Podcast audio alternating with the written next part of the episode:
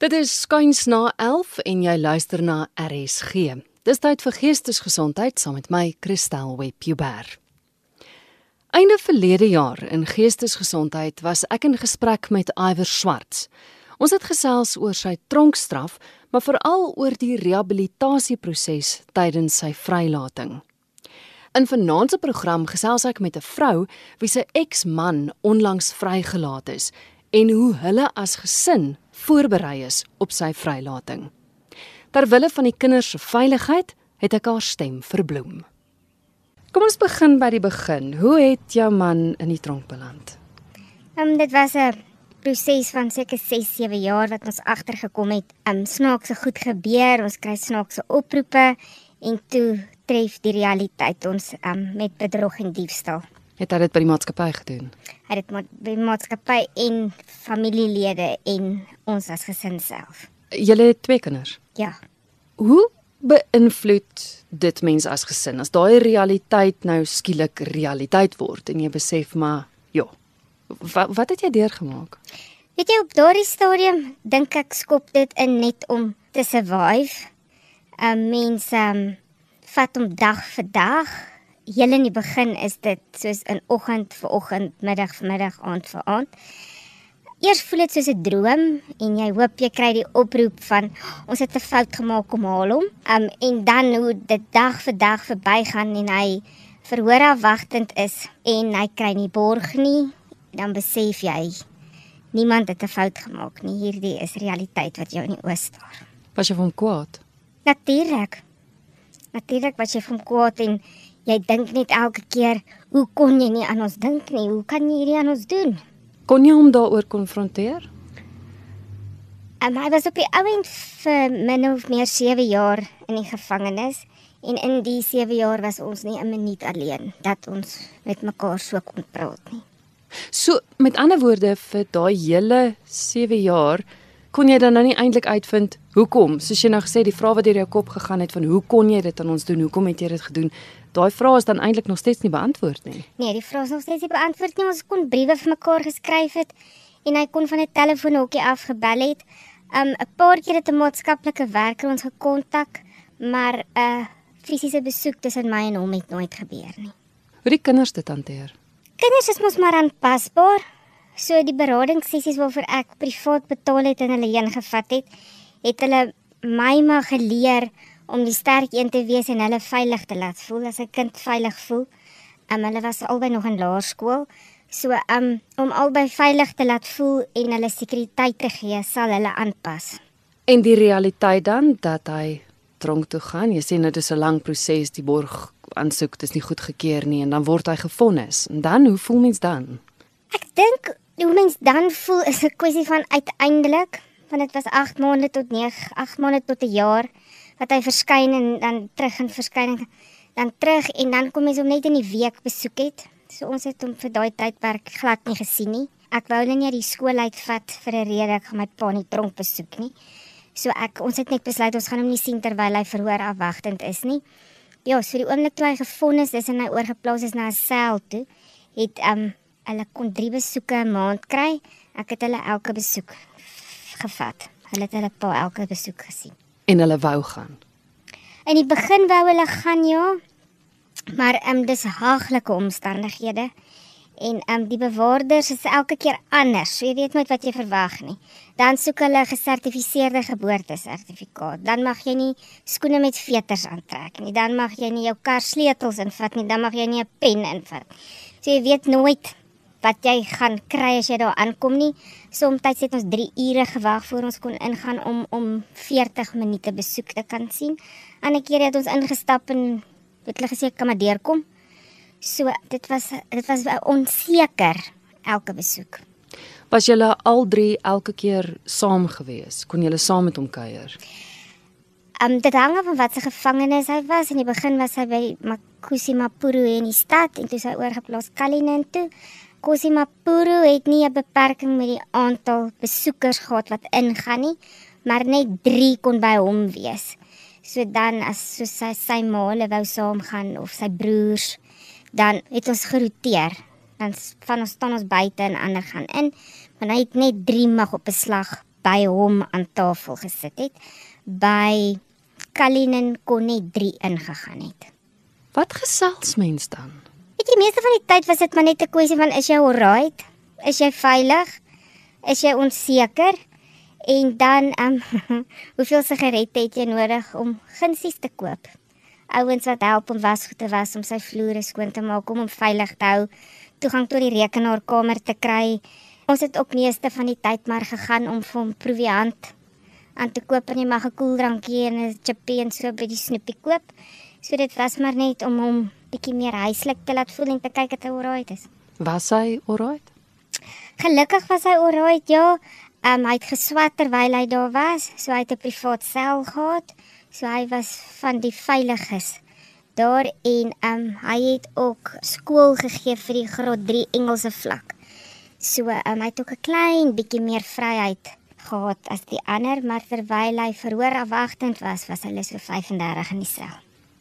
Jy sê nou die kinders het aan die begin wou hulle gaan het die besoeke van hulle aan hom later opgehou? Wou hulle nie meer gaan nie of het hulle eintyd deur elke keer gaan besoek? Hulle het eintyd deur elke keer gaan besoek. Um later dink ek was dit 'n gewoonte of hulle het gevoel hulle is verplig om te gaan. Nie vir die kuiers so seer nie want mens leef dan vir 7 jaar in twee verskillende wêrelde. Goetjies wat hulle irriteer op skool of by die huis maak nie vir hom sin nie want hy leef nie daar nie. So daar's nie regtig tyd vir kuier nie. En 40 minute gaan blits vinnig verby. So daar's nie regtig um tyd sommer net vir gesels, gesels, gesels nie. Ja, so ek dink dit was meer 'n verpligting en dan om sy goed vir hom te gee wat hy nodig het om veilig te bly. Sy sigarette en sy uh, hulle kry ook nie die oudorant of um, shampoo of enige so iets nie. So om dit vir hom te kan aankoop om van buite af soveel as moontlik te kan toesien dat hy alright is. Was jy ooit bekommerd, jy eers, oor wat die mense sou sê? Ons is mos altyd so bekommerd oor wat mense dink. Ja, weet jy mens mense is bekommerd en mense is um skrikkerig dat iemand uit sy verlede uit van ons weet, maar ons weet nie van daai persoon nie wat so 'n persoon sal doen wat ons in die publiek raakloop.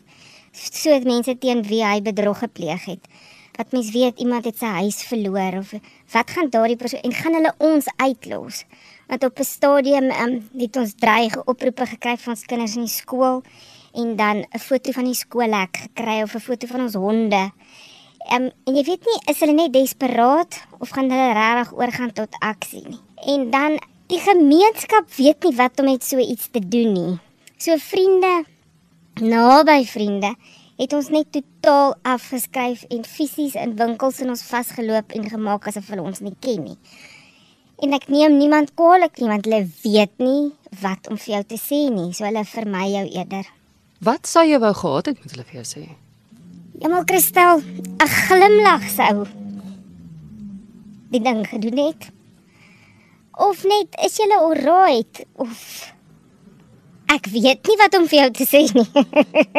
maar ons is hier vir julle. Net daai erkenning. Ja. Of ook net mense die erkenning te gee van dit was nie julle nie. Want julle is eintlik net soveel slagoffers soos die persone teen wie hy betrokke is. Nee, definitief. Definitief is ons net soveel van slagoffers. Hoe die kinders dit hanteer, ek meen want jo, kinders is wreed. Weet jy, ek moet vir jou sê, is een vriendin van my dogter was lelik met haar, maar ek dink ook sy het nie geweet hoe om dit te hanteer nie en sy's ook maar net 'n kind. So, ehm um, ons het haar net vergewe. Maar andersins moet ek vir jou sê het hulle ongelooflike ondersteuning van hulle vriende afgekry. En ehm um, ja, soos pa aande by die skole en sulke goeders was daar altyd iemand wat hulle saamgenooi het. 7 jaar, jy sê hy was 7 jaar nie. Ja. Nou die 7 jaar gaan verby en soos jy sê dit word in 'n mate dink ek jou nuwe realiteit. Ja. Was sy 7 jaar is het hy net 7 jaar vonnis gekry? Het jy geweet hy gaan na 7 jaar uitkom of of hoe dit gebeur? Ja, hy het 20 gekry en hy het toe daai spesiale parol gekry wat Ramaphosa aangekondig het met COVID. Hy was een van die 19000 wat kwalifiseer om uit te kom. Hoe vinnig het jy toe nou gehoor hy gaan uitkom? Het jy 2 weke. 2 weke. Ja, en wat my nogal sleg was is niemand niemand van die gevangenes of korrektief het ons gekontak nie. Hy het ons gebel en gesê oh, hy dink hy's op die kortlys. Um hy wag vir 'n afspraak, dan moet hy 'n adres bevestig en dan gaan hy die adres besoek en as dit gunstig is gaan hy uitkom. En die maandag het hy gebel en gesê hy kom uit die afspraak uit hy kan woensdag uitgaan. OK, wat gaan deur 'n mens se kop? Eerlik moet ek vir jou sê ek het eers gedink hy jok. Hy vat 'n kans om te kyk wat is ons reaksie vir as hy uitkom, wat gaan gebeur, wat gaan aangaan. Maar hy het die familielid by wie hy nou bly, het my gekontak en gevra het ek ook uit hy hulle ook gekontak en hulle was by hom en hulle die adres goedgekeur en toe bevestig te weet ek hierdie is nou realiteit hy kom uit. Ek dink baie luisteraars wonder nou hoekom hy nie by julle bly nie. In die jaar wat hy uit my geïnkrimineer ook met 'n um, bedrog en ek moes teen hom optree om die hof te bewys dat ek nie deel van die hele storie was nie. Ek het 'n interne audit gehad. Bestorie met hulle gedreig of manipuleer, ek weet nog nou nog nie om myself te arresteer want hulle het gedink ek was deel van van die sake. En toe moes was ek weet ek geen ander keuse gehad op daai stadium om 'n egskeiding deur te werk nie. Maar die uiteinde van die saak was hy kan nie terugkom nie want daar is soveel mense wat nog nie klaar is met hom of wat nog nie hom vergewe het of so nie en ek kan nie ons lewens in gevaar stel deur hom terug te plaas in ons huis nie. Was dit nie die geval nie sou jy van hom geskei het? Watter deel nie die geval nie. Waar jy teen hom moes moes getuig om jou eie onskuld te bewys. Ek meen jy sê nou jy's eintlik al soort van gedwing om dan nou 'n egskeiding. Weet jy hoe lank ons getroud was en alles wat uitgekom het sou ek hom nog steeds geskei het, ja. Het jy hom vergewe?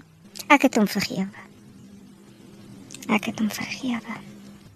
Hoe gaan mens aan? Want hy's nou uit en het julle 'n goeie verhouding? Ek dink ons het 'n goeie verhouding, ja. Hy sien die kinders nou baie.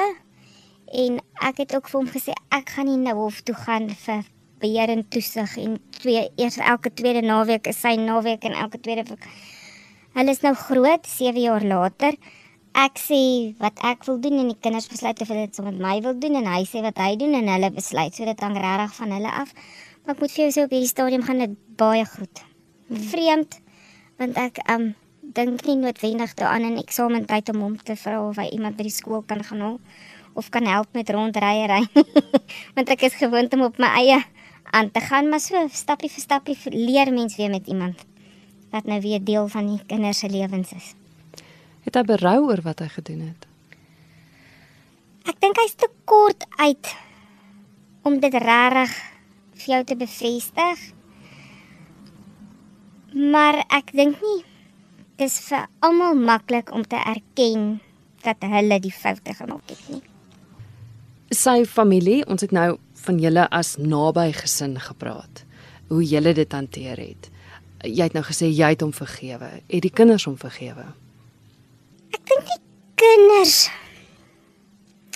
wat soos ek vir jou sê in so 'n veilige omgewing groot word en so beskerm word deur onderwysers en ander familie en vriende en wat nog nie salarisse verdien en bedrog regtig kan verstaan weet wat vergewe beteken nie. Hmm. Ek dink hulle het wel 'n verlies van wat hulle verloor het in 7 jaar saam met 'n ouer. Maar ek dink hulle is so dankbaar dat hy nie dood is nie. Ek dink om 'n ouer aan die dood af te staan, teen 'n ouer weer terug te kry, besef jy wat 'n voorreg jy het, maar dis van vooraf leer ken. Hulle is klein, hulle was klein en nou is hulle groot. Hulle denkwyse is anders, hulle redenasie is anders. Is nie meer van vir mamma luister of vir pappa luister nie. Dis nou goed uitredeneer en ken mos maar tieners, ouers is mos nie altyd die slimste ding. maar daar is nie. So dis nou weer sy grense toets, het hy grense, het hy nie grens, want dit was nou net net vir 7 jaar nie daar nie. Mm -hmm. Die groter familie want soos ek nou gesê het, kleiner julle as gesin met die terugkeer en en hoe julle dit moes hanteer het. Maar die groter familie, want ek meen hulle is tog ook beïnvloed soos jy sê daar's daar's teen hulle ook, jy weet, ehm um, hulle is ook te nagekom. Hoe voel die groter familie of kon jy nog nie agterkom? Kyk, dit het definitief 'n skeur gebring in die families. Want sy kant van die familie vat natuurlik sy kant en my kant van die familie probeer my en my kinders beskerm. So dit het definitief 'n ek dink 'n skeur veroorsaak wat ek nie dink maklik herstelbaar is nie. Maar daar is nie haat en nooit ooit ooit voor die kinders of selfs voor mense is daar afbreek gedoen aan hierdie pa figuur nie. Mense het altyd probeer om die, om die mooi pa wees van hom altyd daar te hou. Uitstappietjies en vakansies en Ja, mense het hom nooit sleg gesê en hulle beïnvloed deur dat hulle hom nie gaan wil sien of wil wil leer ken nie. Hulle moet hulle eie nuwe prentjie van hom skep. Jy het julle aan die begin genoem dat jy 'n klomp vrae gehad hoe dit net gebeur het, toe hy in hegtenis geneem is van hoe kon jy dit aan ons doen en daar's nooit in die 7 jaar wat hy in die tronk was die geleentheid vir julle gegee om daai gesprekke te hê nie soos jy gesê het daar was heeltyd iemand by julle gewees was daar nog net nie tyd om daai gesprek te hê nie of het jy nou nie meer die behoefte om die gesprek met hom te hê nie? Op hierdie stadium het ek nie meer die behoefte om die gesprek met hom te hê nie. Ek voel net as jy berou of rarig rarig wil verduidelik wat gebeur het, sal jy na my toe kom. En as ek daai tipe goed uit jou uit moet trek, weet ek nie of ek die waarheid gaan hoor nie en of ek dalk gaan hoor wat ek wil hoor nie, want dan jy op die spot geplaas. Hoe lyk die toekoms vir julle? Hoe lyk jou toekoms? Goeie vraag. um ek sê net vir jou sonder geloof, hoop kan jy niks aanpak nie. Sê so, vat dit steeds eendag op beslag. Steeds. Dankie vir die gesels. Dankie vir die vir die ja, dat jy jou hart oopgemaak het en jou storie met ons gedeel het en Ja, ek wil net vir jou weer sê hy is omdat sy gevangenes tydperk soveel verkort is met hierdie COVID. Is hy verskriklik lank op parol. So as hy 'n voet verkeerd sit, gaan hy terug. En dan moet hy sy volle tydperk uitdien. En dis hoekom ek dit steeds dag vir dag vat. Want hoe verander jy jou doen en late en hoe jy goed gedoen het sonder regte rehabilitasie. So jy dink het hy dan nie regte rehabilitasie gehad nie, juis omdat dit so vinnig gebeur het dalk. Daar's geen rehabilitasie en korrektiewe toesig of korrektiewe dienste nie. Geen rehabilitasie, jy's oorgelaat aan jouself. Daar's um groepies wat hulle kom besoek, hulle konversies hierkel vir Mandela dag en daar's ouens wat hulle tesisse en doktersgrade en goed kom doen wat met 'n spesifieke gevangene pad stap of 'n storie of Unisa wat 'n projek loods en dan kom daar studente in wat gesprekke voer maar verder is daar geen geen manier om daai honderde der duisende gevangenes wat vir verskillende goed in die eh, stres hulle straf uitdien te rehabiliteer nie.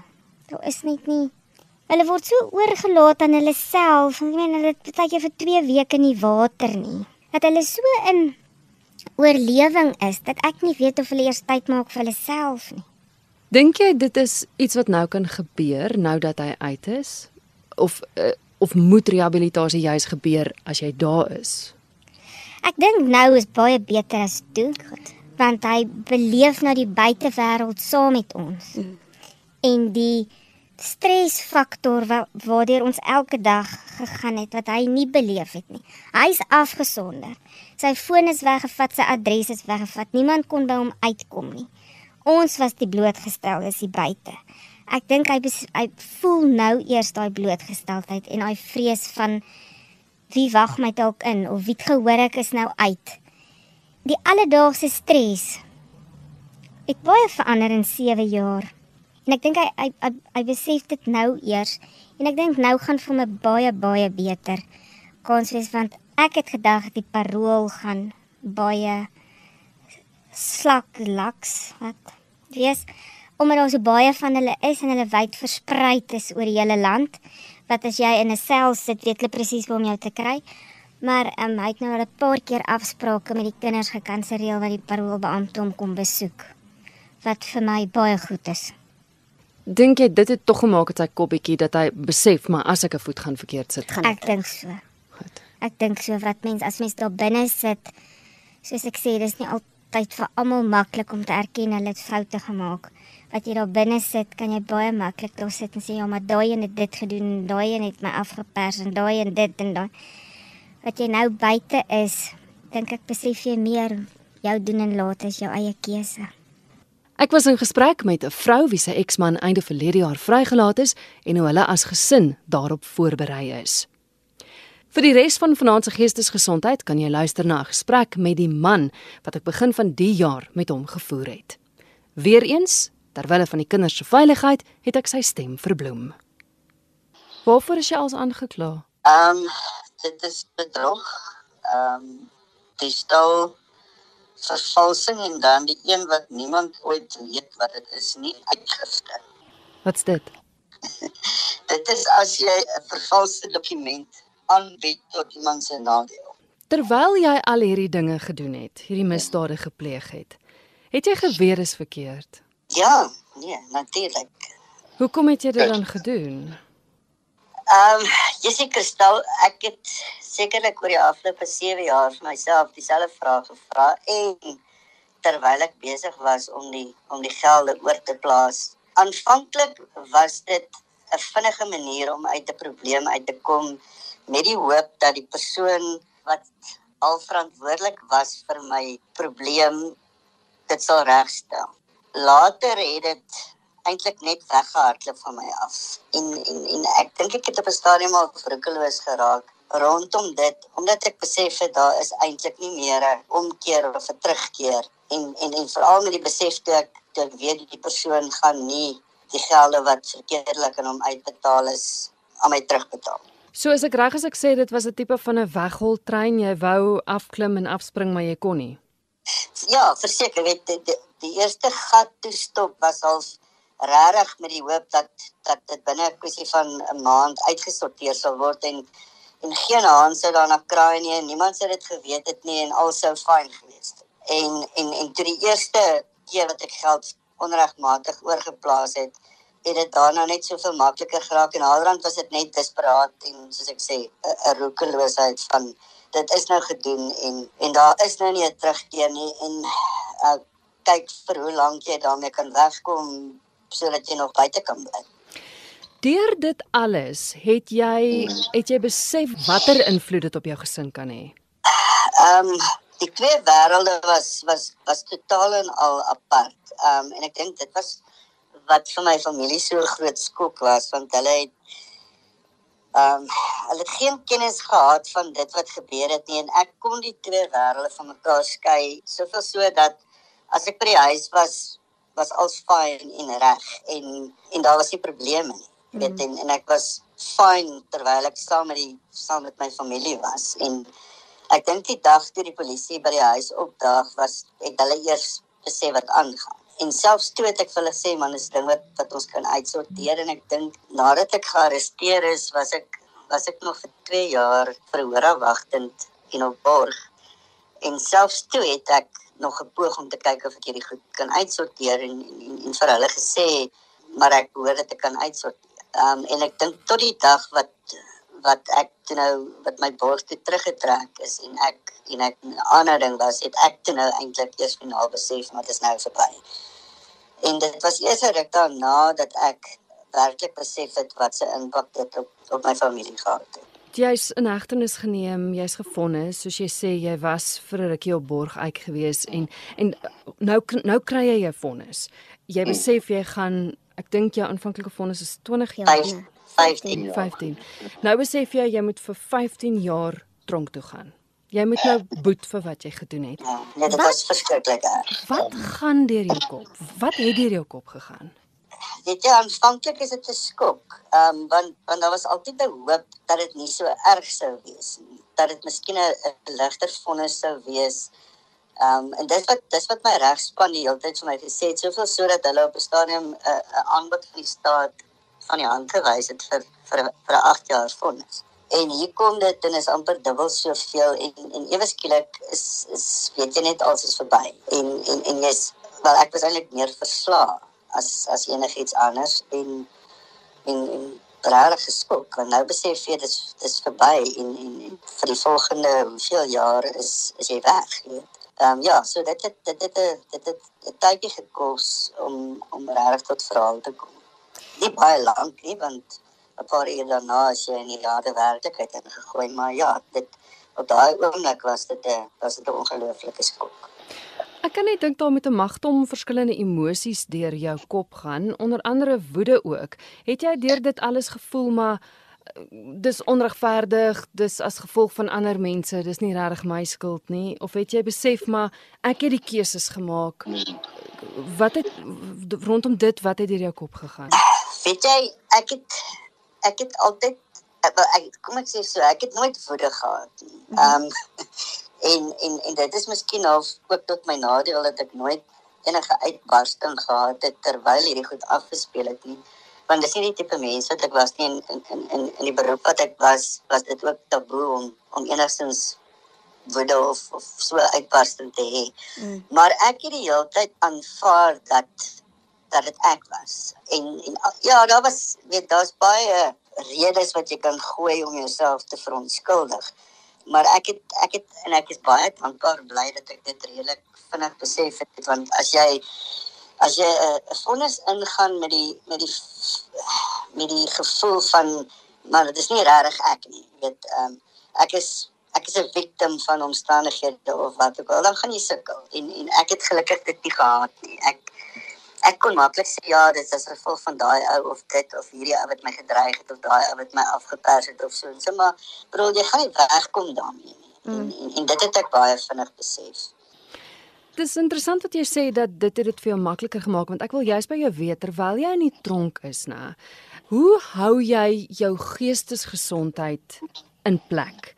So. Ehm, um, daai tronk is vol onskuldige mense.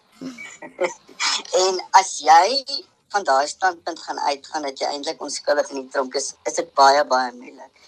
So mense was verbaas omdat ek van die begin af gesê het ek hoor daar want ek het daar gehoor. Ek ek is ek is 'n krimineel, ek het misdade gepleeg en ek en ek het eerlikwaar gevoel dat ek daar hoort. En en dit het my baie baie gehelp want ek moes begin het met 'n nuwe lewe. Ek jy kan nie sit en top op die hele tyd wat kon en wat as en jy's nou daar en jy moet deel met dit wat wat jy nou het. En en om daar te sit en te kerm en te sê maar ek het dit nie gedoen nie en ek is onskuldig en ek moes eintlik 'n lag 'n ligter straf gekry het en ander mense hoort in die tronk saam met my en so weet jy jy gaan jouself verwoes as gevolg van dit en en dis die goal wat ek baie baie vroeg gemaak het. Ek het eendag 'n ding gelees wat ek later vir my mense gevra het om vir my te vergroot en vir my in te stuur dat ek dit help by my saam kon hou en dit sê ek kan verskillende goed aangee as die redes vir my oneerlikheid maar die finale besluit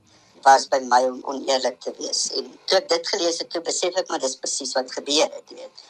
Ek het daar finale besluit geneem. Niemand het te gewete in my kop gehad terwyl ek geld oorgeplaas het van rekeninge waar dit ek dit nie mag oorplaas nie. Ek het daar gesit alleen en ek het dit gedoen. So ek kan nie iemand anders blameer vir dit wat ek op daai spesifieke tydperke gedoen het nie. Jy het jou gesin gesien, hulle het vir jou kom kuier en soos ja. uit uit jou vrou se gesprek uit agterkom redelik gereeld. Jy is nie meer deel van hulle lewe gewees terwyl jy in die tronk is nie. Beskryf vir my wat het jy gevoel as hulle jou kom besoek het? Ja, ek dink voor ek dit vir sê, moet ek net sê die die ergste ding in die tronk is vir alles jy 'n redelike nou gesinsverhouding gehad het soos wat ons gehad het. Mm en en en soos wat my my my omstandighede versleg het, het ek meer vasgegryp aan daai familie verhouding wat ons gehad het en ek het al dit gekoester. So die of een oomblik is jy nou glad nie meer deel daarvan nie en, en hulle gaan aan en dinge gebeur en goed gebeur in hulle lewens en jy is net glad nie deel daarvan nie. En en dit was die ergste vir my om om om om uitgesluit te wees uit dit uit en en te weet dat ek kan niemand anders blameer daarvoor behalwe myself nie en en al sien hoe hulle lewens aangaan en en en en die tronk stagneer jy weet want jy sit in 'n in 'n ding wat elke dag dieselfde is.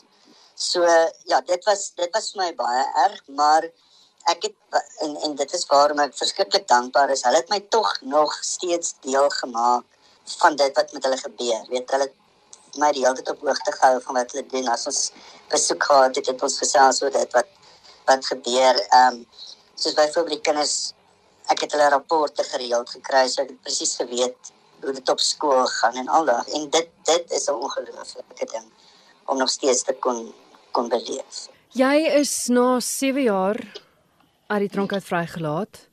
Dit het ook na aanleiding van wat jou vrou vertel het nogals vinnig gebeur. Ja, ja. Was daar tyd vir rehabilitasie dat jy jou kop kon regkry vir hom uit te kom? Weet jy die rehabilitasie het lank voor dit gebeur. Ehm um, ek praat van jare terug. Ek het ek het net besef dat ek gaan sekere goed moet doen om om nie weer dieselfde persoon te wees as ek eendag kan uitgaan en ek en ek wou nie weer dieselfde beroep beoefen as wat ek gehad het. Wel, ek sou nie dieselfde beroep kan beoefen nie, maar ek wou ook nie weer in in daai. So ek moes my myself reg kry, skills en en en daai tipe van goed. So ek het kursusse gedoen. Ek het ehm um, verder geswat by by Unisa. Ehm um, ek het groepe bygewoon en so aan en en al daai goed het, het regtig voor die tyd gebeur. So om jou idee te gee, ek is ek is die donderdag ingelig dat ek kwalifiseer vir parol. Ek het die Saterdag die parol raad gesien en hulle het vir my die Saterdag gesê jy gaan volgende donderdag huis. So. So my hele vrylatingsproses was binne 'n week. So daar was geen geen kans om eintlik eers gewoon te raak daaraan. Verhoudings. Ehm um, want ons gesels vanaand juis oor die feit en die invloed wat dit op op die gesin het. Ek verwys nou heeltyd na jou vrou as jou vrou, maar sy is jou eksvrou. Dis reg. Verstaan jy waarom sy jou moes skei? Ehm um, ek blameer haar glad nie. Ek was actually verbaas dat sy vir so lank nog steeds deel van my lewe wou wees. Ek het haar aanvanklik versoek om om om nie meer te kom nie. Ek dink in die begin was dit 'n baie groot skok en en veral vir die feit van die aantal jare wat ek nie gaan wees nie, het ek hulle wel haar versoek om aan te gaan met haar lewe en en sy was actually baie kwaad vir my op daardie stadium. Omdat ek also my eie die keuse uitdoen en sy het my gesê dat hulle by my wil staan.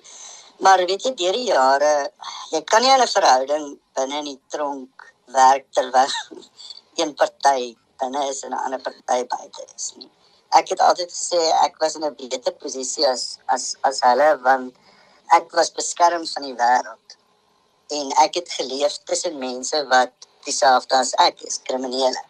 Maar hulle moes die wêreld face met 'n persoon wat in die tronk sit as gevolg van verskeie misdrywe wat gepleeg is. So hulle het dit regtig baie baie moeiliker as ek gehad ek is hanteer as 'n krimineel omdat ek een was. Ek dink hulle is hanteer ook in 'n mate as slegter mense omdat hulle met my verbind was. En ek en ek dink ek uh, dit was dit moes vir hulle baie erger gewees het. En ja, daarom kan ek verstaan dat dat sy bestaan net nie meer kon kon uithou.